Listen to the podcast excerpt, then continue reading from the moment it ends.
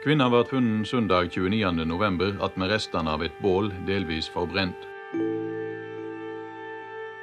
Det er funnet rester av bensin der, og hun hadde tatt en del tabletter.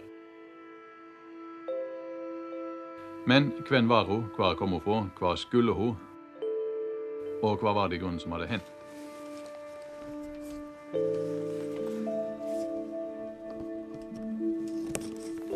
Du hører på første episode av Gåten i Isdalen, en podkast om et kriminalmysterium fra 1970.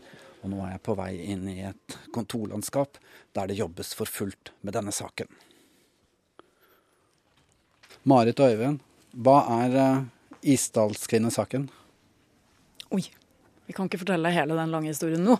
Men uh, det er altså uh, en historie fra 1970. 29.11.1970 så ble det funnet et lik i Isdalen utenfor sentrum av Bergen. Det er jo ingen som fortsatt vet hvem hun er, eh, og det er jo fortsatt det store spørsmålet. Så vi eh, nøster jo i det her, i hva var det som skjedde den gangen, men kanskje også om, om vi kan finne ut noe mer om hvem var denne eh, kvinna. Vi kan like gjerne spille av en litt grundig presentasjon av saken som dere har laget.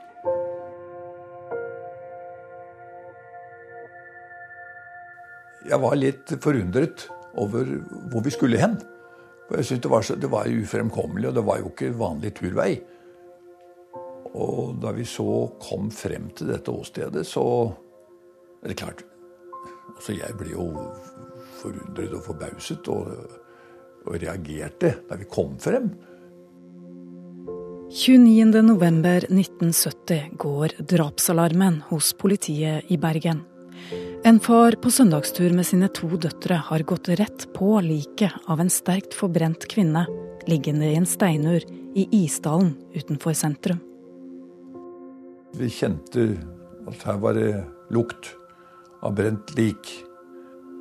Og det var, det var jo ikke noe hyggelig syn. Hvor langt kommer vi? Altså, vi kan jo, En ting er om vi får noe svar i det hele tatt, men det kan jo hende vi kommer et stykke på vei, selv om vi ikke finner ut alt. Ingenting på åstedet sier noe om hvem kvinnen er. Alle merkelapper på klær og gjenstander er klippet bort og skrapt vekk. Obduksjon viser at hun døde av en kombinasjon av piller og kullosforgiftning fra flammene hun var blitt utsatt for. Politiet i Bergen de satte inn store ressurser.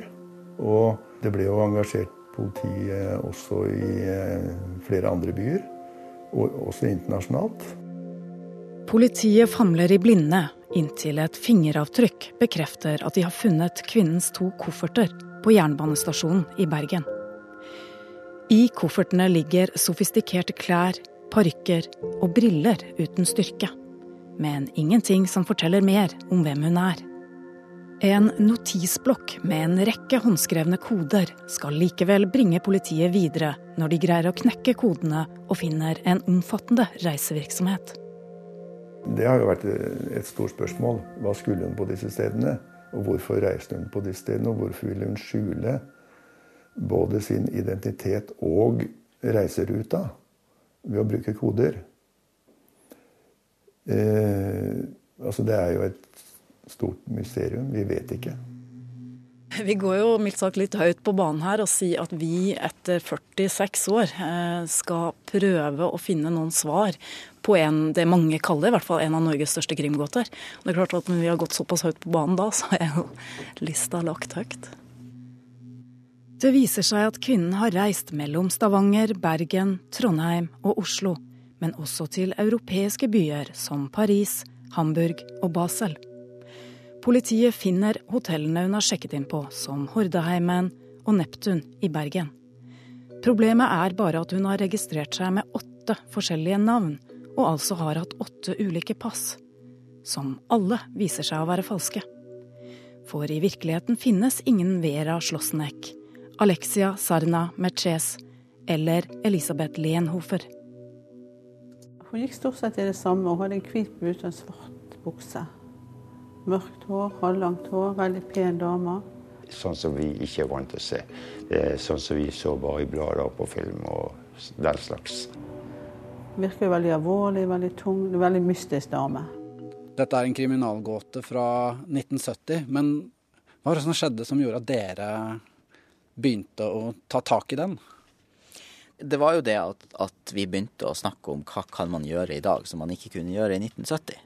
Pressen dyrker saken med store oppslag om likfunnet og spekulasjoner om at hun kunne ha vært spion for en fremmed makt og blitt likvidert inne i isdalen. Hun opererte med koder, hun opererte med parykker. Hun, hun, reiste fra den ene byen til den andre og tilbake. Og en gang tok inn på et hotell i Bergen, og så samme dag byttet over til et annet hotell i Bergen. ikke sant? Altså hele øh, altså Politiet selv ville jo brukt øh, uttrykket hun hadde en konspiratorisk oppførsel. Vi begynte først å drodle på ok, vi visste hvor hun var gravlagt. Hun er gravlagt i en umerka grav i, på Møllendal i Bergen. Så begynte vi jo nesten som en spøk, liksom. Hva, hva skal til for å få åpna ei grav?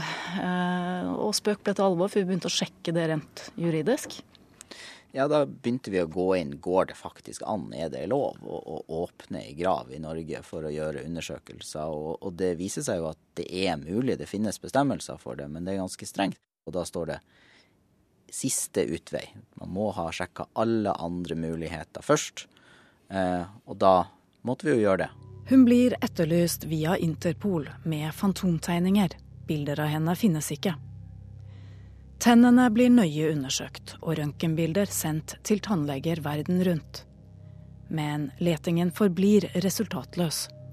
Etter noen ukers intens etterforskning konkluderer politiet med selvmord. Var denne kvinna innblanda i spionasje? Nei, det tror jeg trygt kan slå fast. At det er ingen holdepunkter. Ja, enda mer, det kan vi helt utelukke.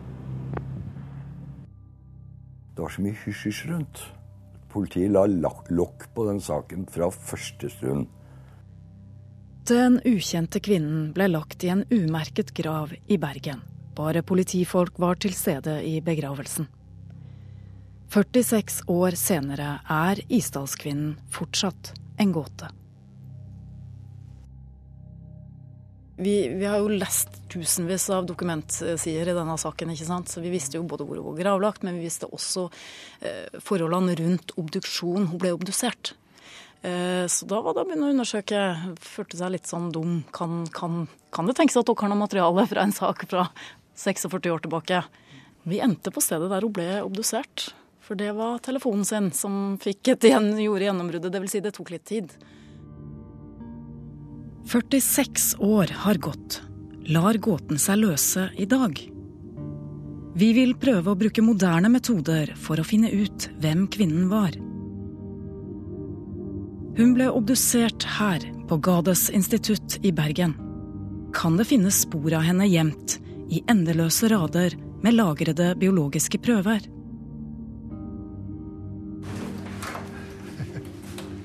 Rettsmedisiner Inge Morild har finkjemmet arkivene for oss. Nå har han gjort et oppsiktsvekkende funn. Her hoper det seg opp mye gammelt. Men det er jo akkurat det vi er ute etter. Her har vi blokkene fra mellom 133 til 145, og her inne skal 130 94 fra 70 ligge.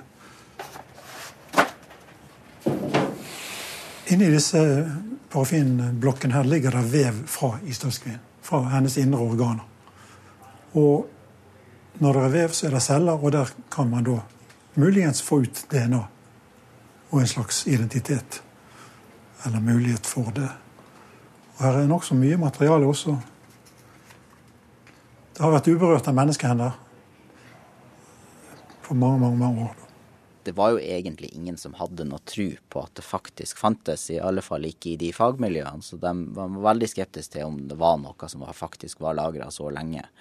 Men etter en del sånn e-poster og telefoner fram og tilbake, så gikk de med på at ja, vi skal i alle fall lete litt. Der var vi begge to med i den uh, kjelleren uh, ja, hele dagen på, på, sykehuset, men i den kjelleren, det kommer vi vel ikke til å glemme, noen av oss, tror jeg.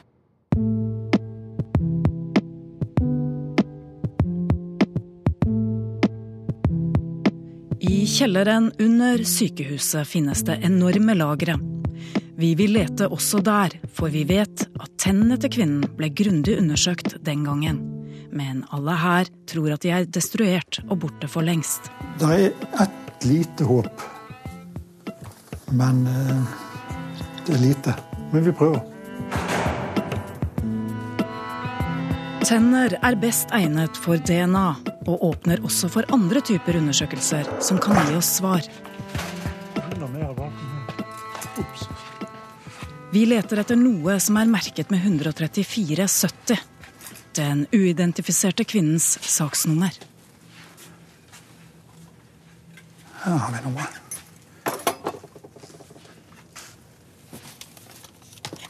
Men det er, det er ikke Isdalskvinnen, da, men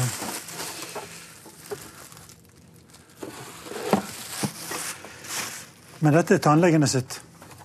Uh, uh, uh. Dette ligner jo veldig Det var noe sånt jeg har hørt om. Vi vet jo hvordan de ser ut, disse tennene, så dette er ikke noe av det her. Men her er det jo masse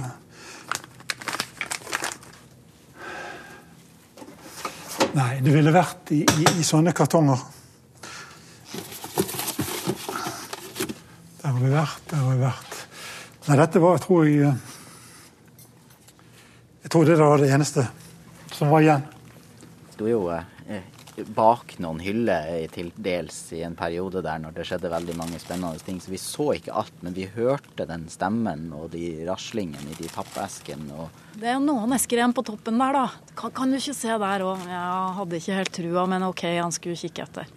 Så bokstavelig talt, faktisk. Siste eska. Kameraet hadde gått i 38 minutter. Ja, ja. Jeg ser det står en fra 1970 her. Se her.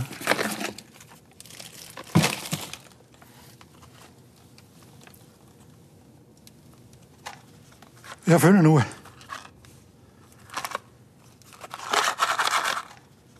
Det er en, en boks som står Isdalskvinnen på.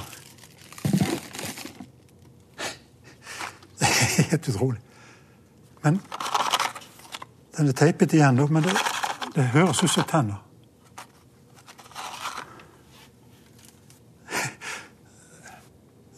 Vi- må, der må vi bare åpne. Ja, jeg er spent nå.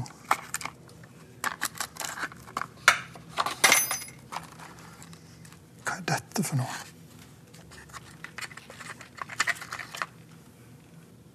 Jeg er sannelig ikke sikker på hva dette er. Jeg tror det er kanskje krone på, på tennene.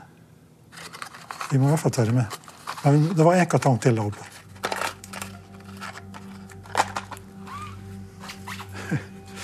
Så får jeg risikere livet litt til her borte, da.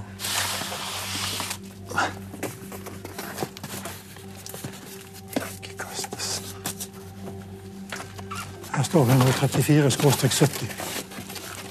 Dette er spennende, syns jeg.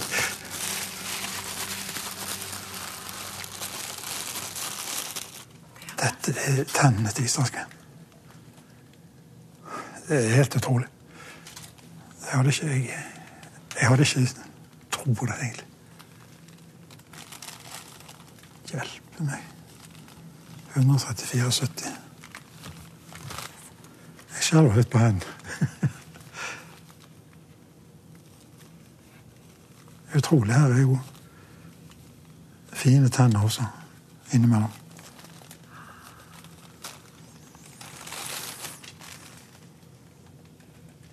sannsynligvis bedre egnet for DNA enn vev. Men dette var ganske utrolig. Hva kan eh, det som nå er funnet, eh, brukes til? Nei, Det som er, er jo at det er biologisk materiale. Eh, Og i alt biologisk materiale så er det celler som det kan være DNA i. Eh, Og det betyr jo at selv om det her aldri ble tatt vare på med tanke på DNA den gangen, så er det jo et håp om å, å kunne klare å få laga en profil så man får den unike DNA-koden til denne kvinna som ingen vet hvem er. og og da kan man eventuelt klare å koble det med andre opplysninger, f.eks. fra slektninger og pårørende som da har mista noen i 1970. Og i lengste fall finne ut hvem det var. Og så er vi i en grundig researchfase med å finne ut uh, hva mer artig vi kan gjøre, skulle jeg si. Eh, For det, er sånn at tenner åpner for andre typer undersøkelser. Og Det har vi lyst til å se om det er noe vi kan gjøre der som bringer oss noe nærmere svar i saken. Politiet har hatt et umåtelig stort arbeid med å granske det ørveslet som var av spor. Og hun hadde nytta seks-sju ulike navn, oppgitt ulike heimland. Det er svært få som har lagt merke til henne. Alt om gåten i Isdalen finner du på nrk.no.